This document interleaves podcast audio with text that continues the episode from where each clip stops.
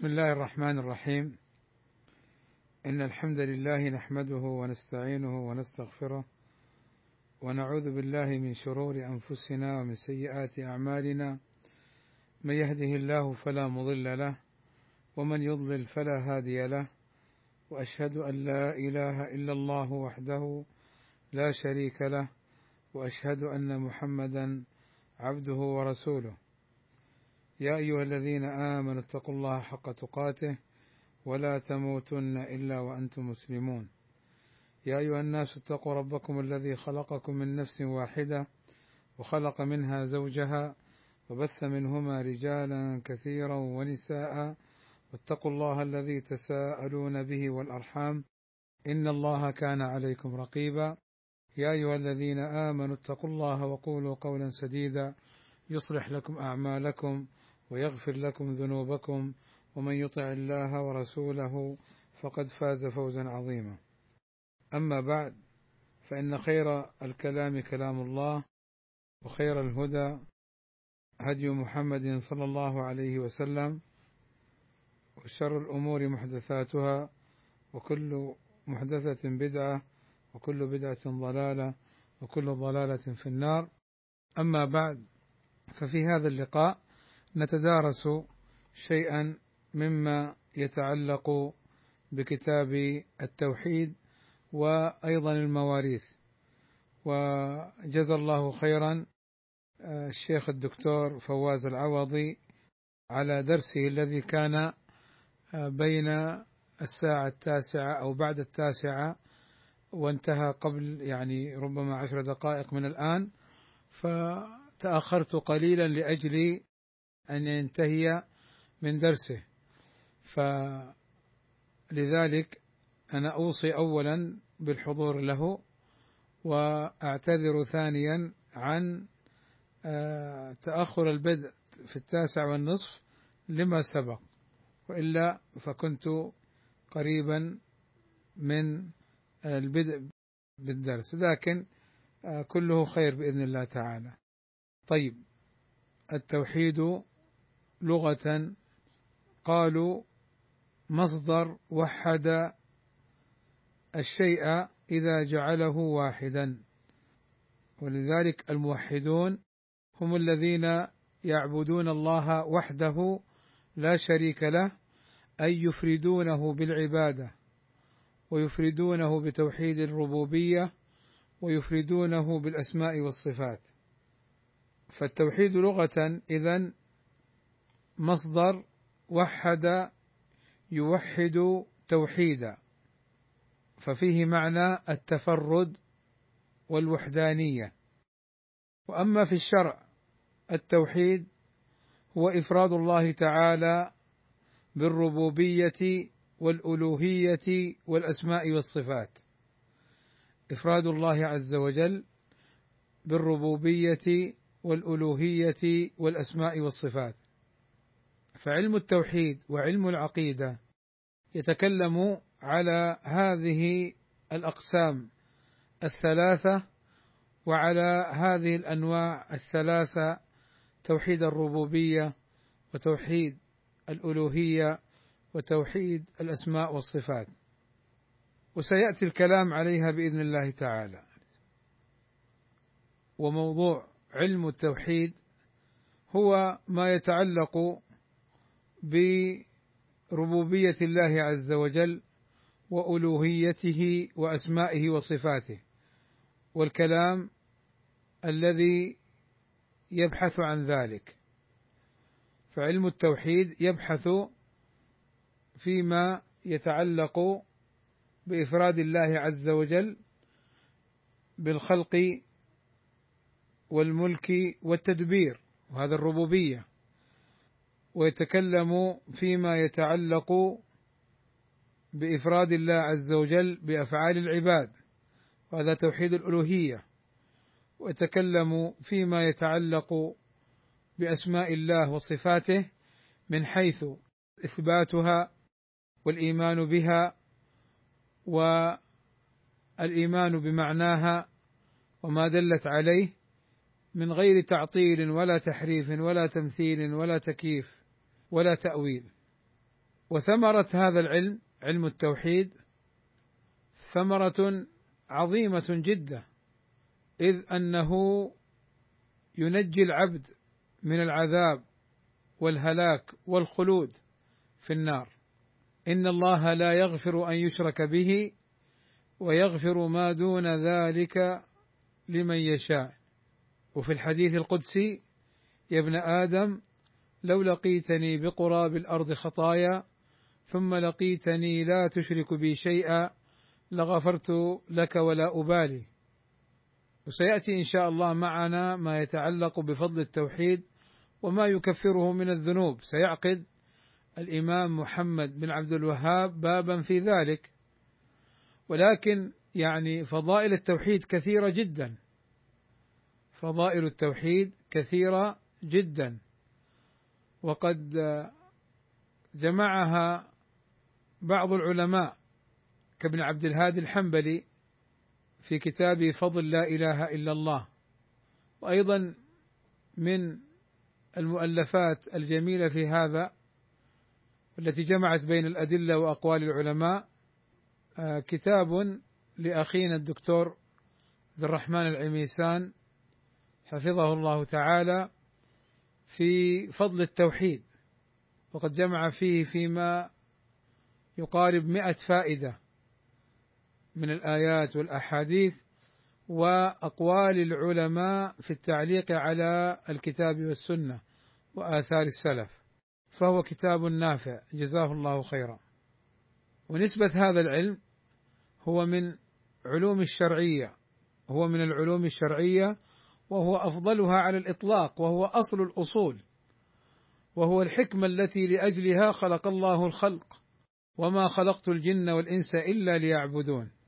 وأما الواضع المتكلم في هذا ابتداء هو الله عز وجل والنبي صلى الله عليه وسلم فيما يبلغه عن ربه والصحابة رضوان الله عليهم فيما تحملوه عن الدين والإجماع.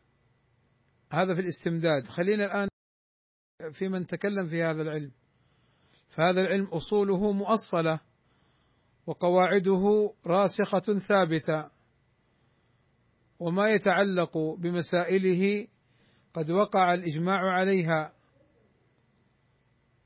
واختلفوا في بعض الأمور التي لا يضر الاختلاف فيها.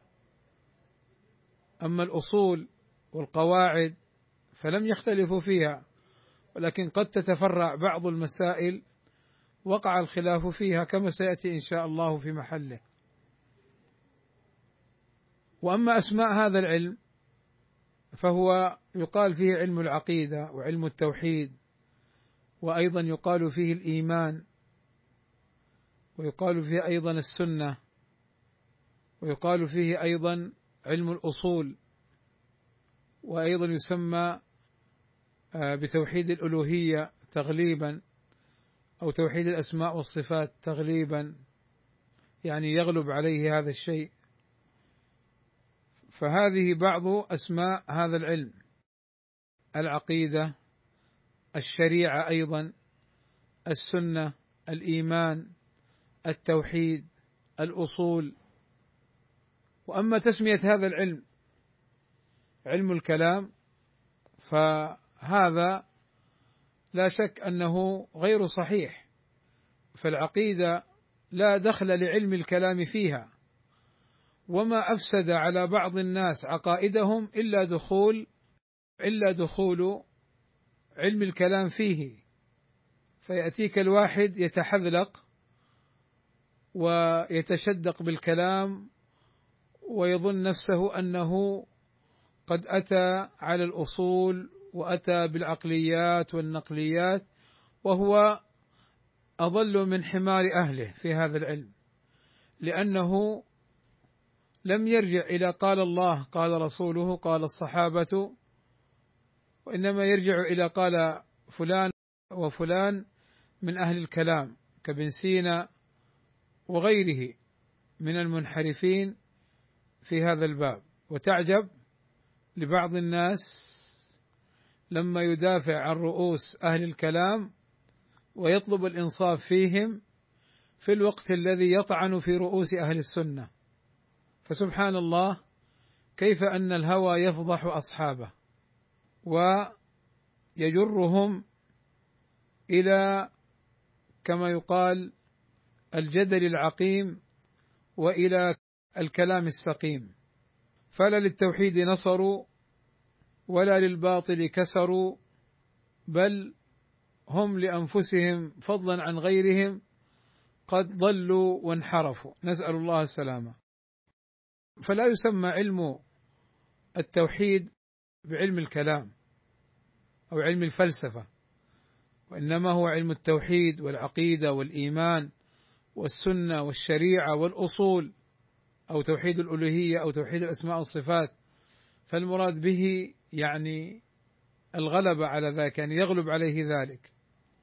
هذا العلم يستمد ما فيه من مسائل وعلوم يستمدها من الكتاب والسنة وآثار السلف والإجماع.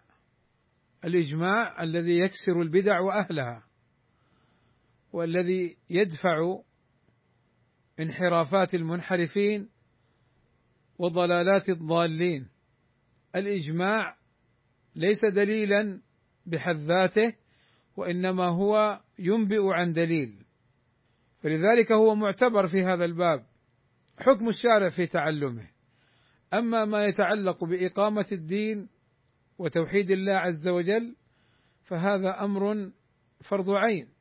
أن يعلم العبد معنى لا إله إلا الله وأن يحذر مما يضادها.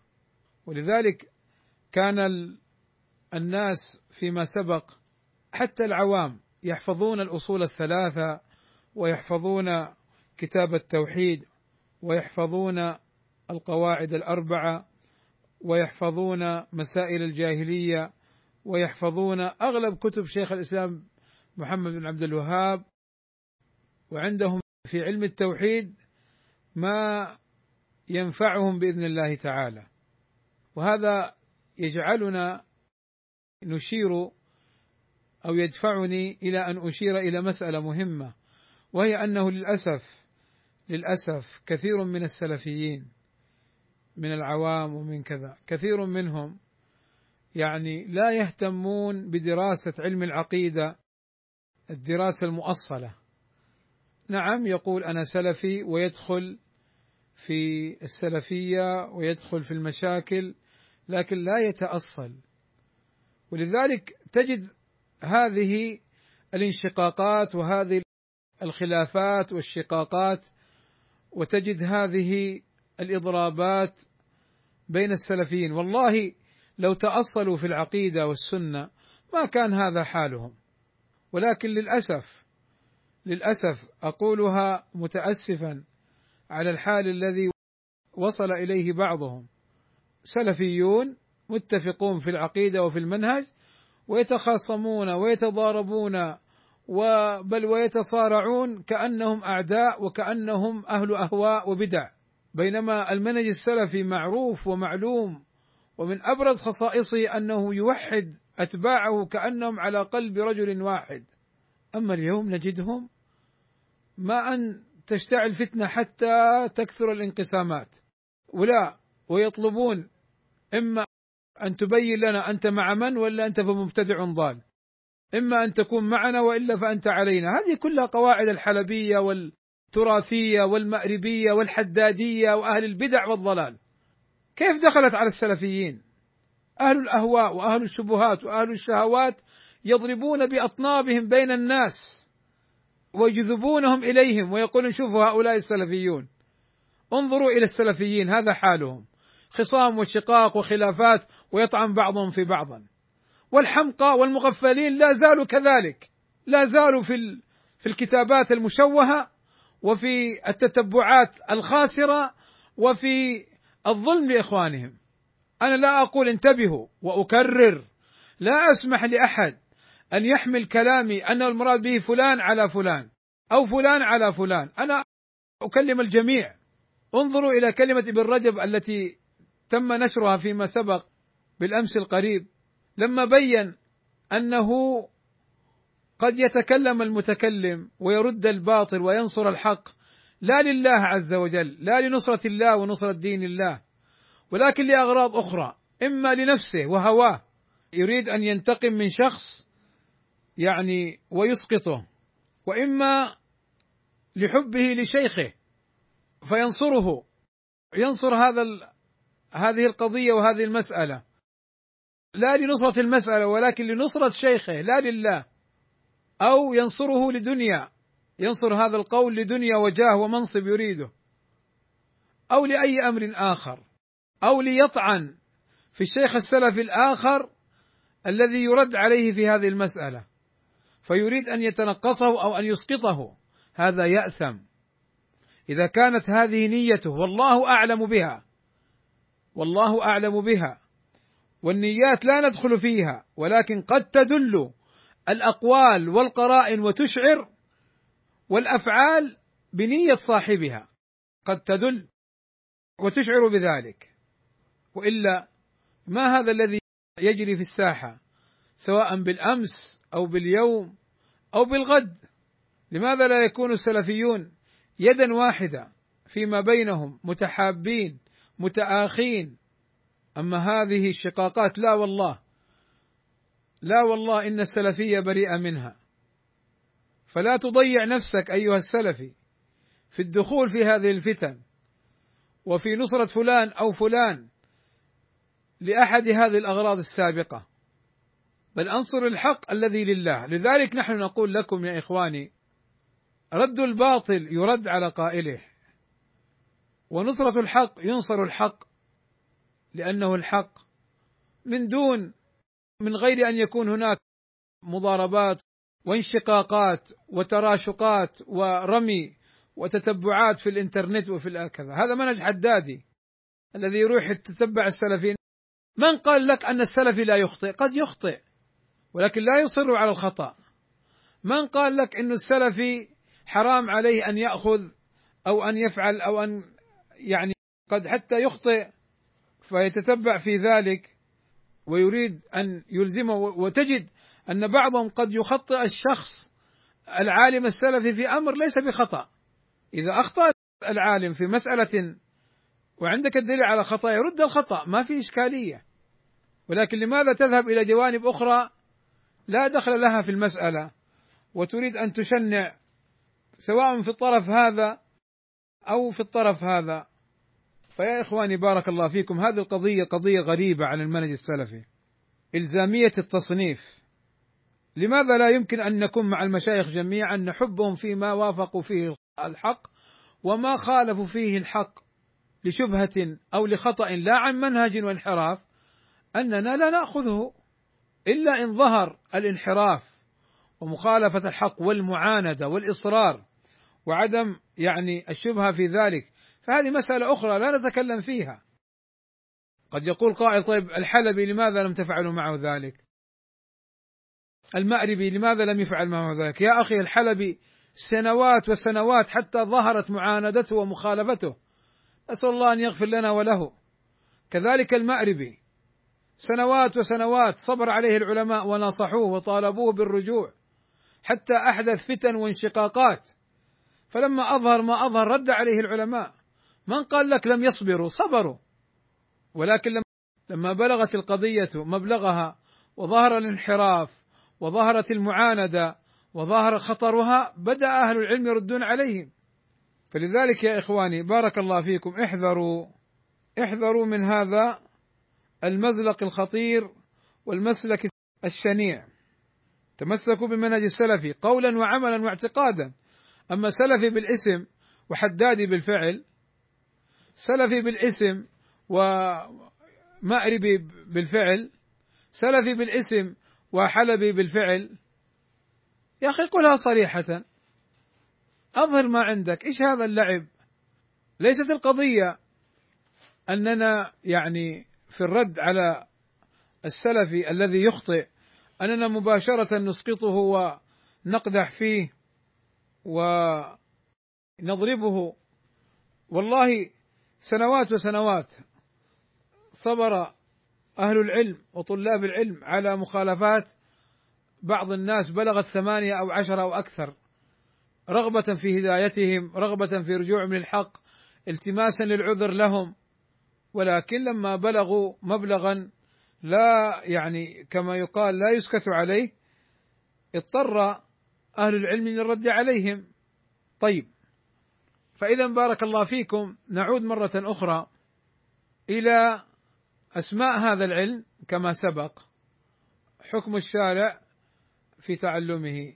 مسائل يعني ما يبحث فيه من مسائل توحيد العبادة وتوحيد الأسماء والصفات وما يتعلق باستلزام توحيد الربوبية لتوحيد الألوهية إلى غير ذلك المسائل التي تبحث فيه من أيضا مسائل اليوم الآخر والقبر إلى آخره.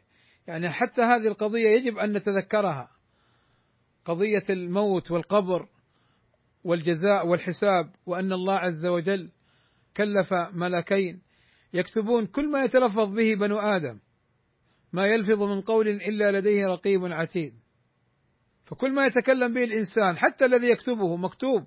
ومسجل عليه. فلماذا لا نحاسب أنفسنا؟ والآن للأسف مع وسائل التواصل الفيسبوك والواتساب والإنترنت والتويتر مع هذه الوسائل الواحد كما يقال جرة قلم يكتب كلمات تنهد لها الجبال ويرميها ويلقيها وتبلغ الآفاق. وهو جاهل. للأسف إذا كان الإنسان جاهل تعلمه. وإذا كان الإنسان عالم تستفيد منه. وإذا كان الإنسان طالب علم مثلك تتذاكر وتتدارس معه. وأما إذا كان الإنسان جاهل ولا يعلم أنه جاهل هذا صعب. هذا جاهل جاهل مركب. هذا يعني لا يدري ولا يدري أنه لا يدري. ويتكلم بلسان من يدري. بمعنى أنه يخوض في مسائل ما كان له أن يخوض فيها. ولذلك يا إخواني أنا أذكر نفسي وإياكم هذه القضية الخطيرة. كثير من الفتن الآن كثير من القلائق تحصل بين السلفيين بسبب هذه الكتابات وهذه التعليقات النتنة المفرقة التي لم تمتثل قول النبي صلى الله عليه وسلم من كان يؤمن بالله واليوم الآخر فليقل خيرا أو ليصمت. ولما قال النبي صلى الله عليه وسلم لمعاذ حين سأله على أمر يدخله الجنة يباعده من النار فذكر له ما ذكره ثم قال له أفلا أدلك على ملاك ذلك كله؟ كف عليك هذا وامسك بلسانه. فقال معاذ رضي الله عنه وإنا لمؤاخذون بما نتكلم به يا رسول الله. فقال النبي صلى الله عليه وسلم ثكلتك أمك يا معاذ وهل يكب الناس على مناخرهم أو قال على وجوههم إلا حصائد ألسنتهم؟ معاذ رضي الله عنه وأرضاه سأل السؤال الذي كما يقال يطرح نفسه أو الذي كما يقال يعتقده كثير من الناس وهو أنهم يعتقدون أن الكلام يمضي في الهوى ويذهب في الهوى ولا يحاسب عليه الإنسان.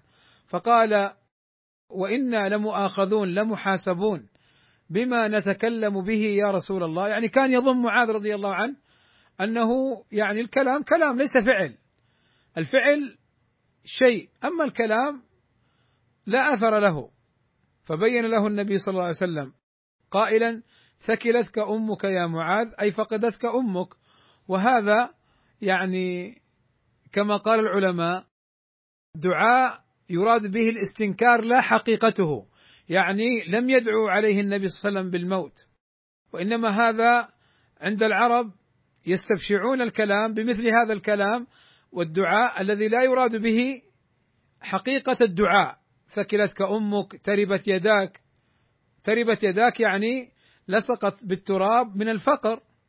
فليس المراد به أنه دعاء بالفقر وإنما يؤتى به ليعلم المتكلم أن الكلام شديد. فقال له وهل يكب الناس؟ هل يسقط الناس في النار في جهنم على وجوههم أو قال على مناخرهم إلا حصائد ألسنتهم إلا بسبب ما يتكلمون به؟ والآن انظر في الفيسبوك والتويتر المواقع هذه. أسهل ما على الواحد يسجل كلاما أو يكتب كتابة وكأنه لا يحاسب على ذلك. بل يأتيك من يتكلم بكلام هو إلى الطلاسم وإلى الرموز الصوفية والخرافية. أقرب منه إلى الكلام الشرعي فضلا عن يقدمه بأيمان عظيمة مغلظة. فلا إله إلا الله. كم هؤلاء الجهله وكم هؤلاء المتخبطون يتخبطون في دين الله عز وجل. والله يا إخواني إن الإنسان لا يحزن لما يرى من الجرأة في الكلام على دين الله عز وجل ومن استسهال وتخبط كثير من الناس في كتاباتهم وفي تعليقاتهم وفي ما يفعلونه هو للإثم والشر وللشقاق والخلاف أقرب منه للخير والإيمان والسنة. فاحذروا يا عباد الله احذروا يا إخواني. فلا تضيع نفسك أيها السلفي لا تضيع نفسك بمثل هذه الأمور وبمثل هذه التخبطات. فالصمت نجاة والسلامة لا يعدلها شيء. وفلان وفلان لا ينفعونك عند الله بل يتبرؤون منك يوم القيامة. فكن حذرا يقظا سلفيا صادقا واضحا. سلفية كما يقول الشيخ ربيع الله يحفظه تحتاج إلى رجال. ومعنى قوله رجال ليس كقول ذاك المتخبط مرجلة إنما رجال أي صادقون يعملون بالسلفية قولا وعملا واعتقادا. وفي المواقف تظهر رجولتهم بأن يصبروا ويحتملوا ويؤلفوا القلوب على السنة وعلى المنهج. ما يؤدي فعلهم أو قولهم إلى الفرقة والشقاق وإلى ظلمة السلفيين ومحاربتهم والتشنيع عليهم. هذه ما هي مرجلة؟ هذه مخذلة. هذه اضطراب في المنهج. أما الرجولة والرجال المطلوبون في السلفية هم الصادقون قولا وعملا واعتقادا. يصبر يسمع الأذى ويصبر. يسمع من أخيه الأمور ويصبر. ولذلك يا إخواني الساحة مليئة وتعج بهؤلاء المتخبطين. تعج بذلك. ولو درسنا العقيدة ودرسنا المنهج السلفي وقواعد المنهج السلفي والله بإذن الله تعالى غالبا لا يحصل هذا التخبط.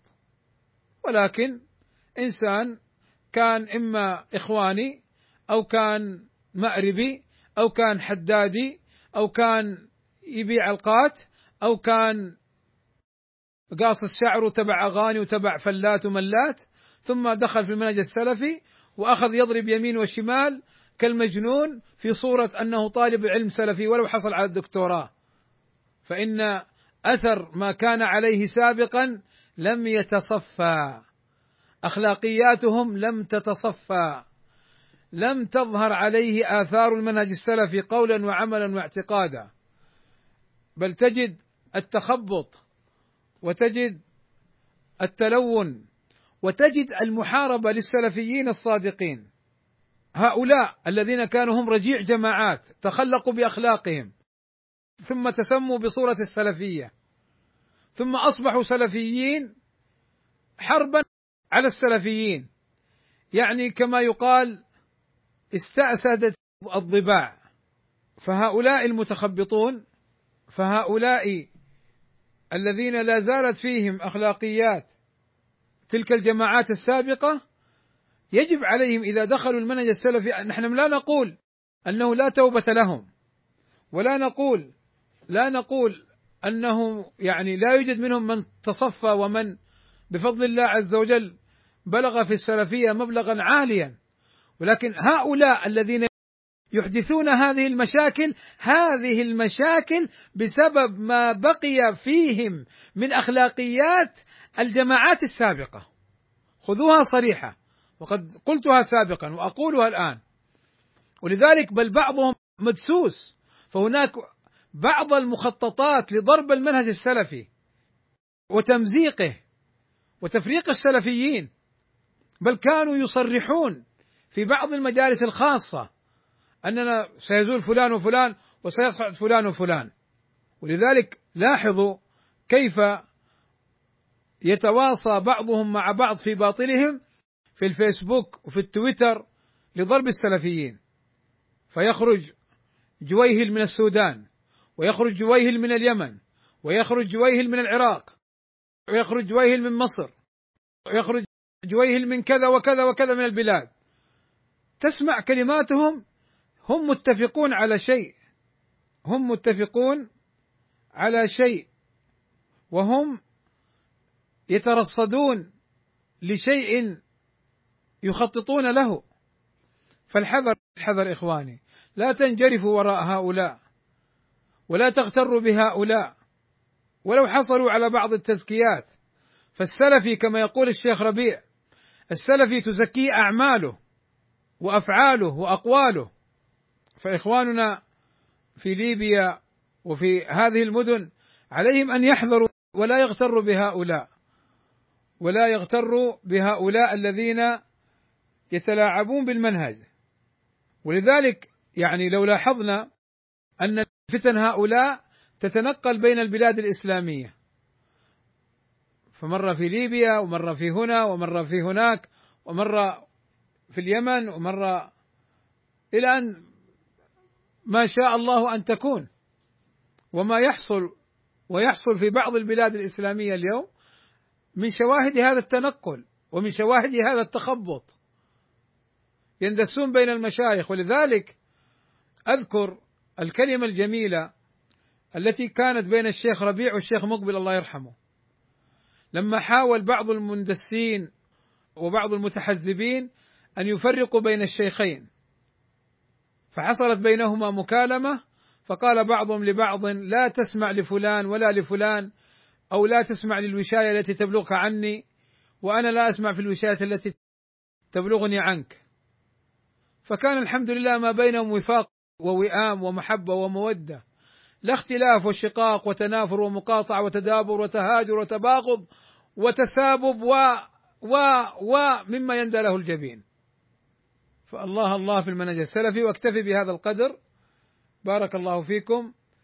كذلك أعتذر الليلة عن الدخول في درس المواريث لأني والله اليوم كان عندي ثلاث اختبارات بعد صلاة المغرب إلى أن جئت إليكم مباشرة. فكانت هناك عندي اختبارات فالآن متعب جدا. وإن شاء الله إن شاء الله إن شاء الله لو ربي يسر لي غدا نبدأ في علوم القرآن وفي علوم الحديث. وأشوف مع الإدارة لو كان هناك إمكانية نأخذ أيضا شيئا من المواريث تعويضا عن درس اليوم. وصلى الله وسلم على نبينا محمد وعلى آله وصحبه أجمعين. والحمد لله رب العالمين.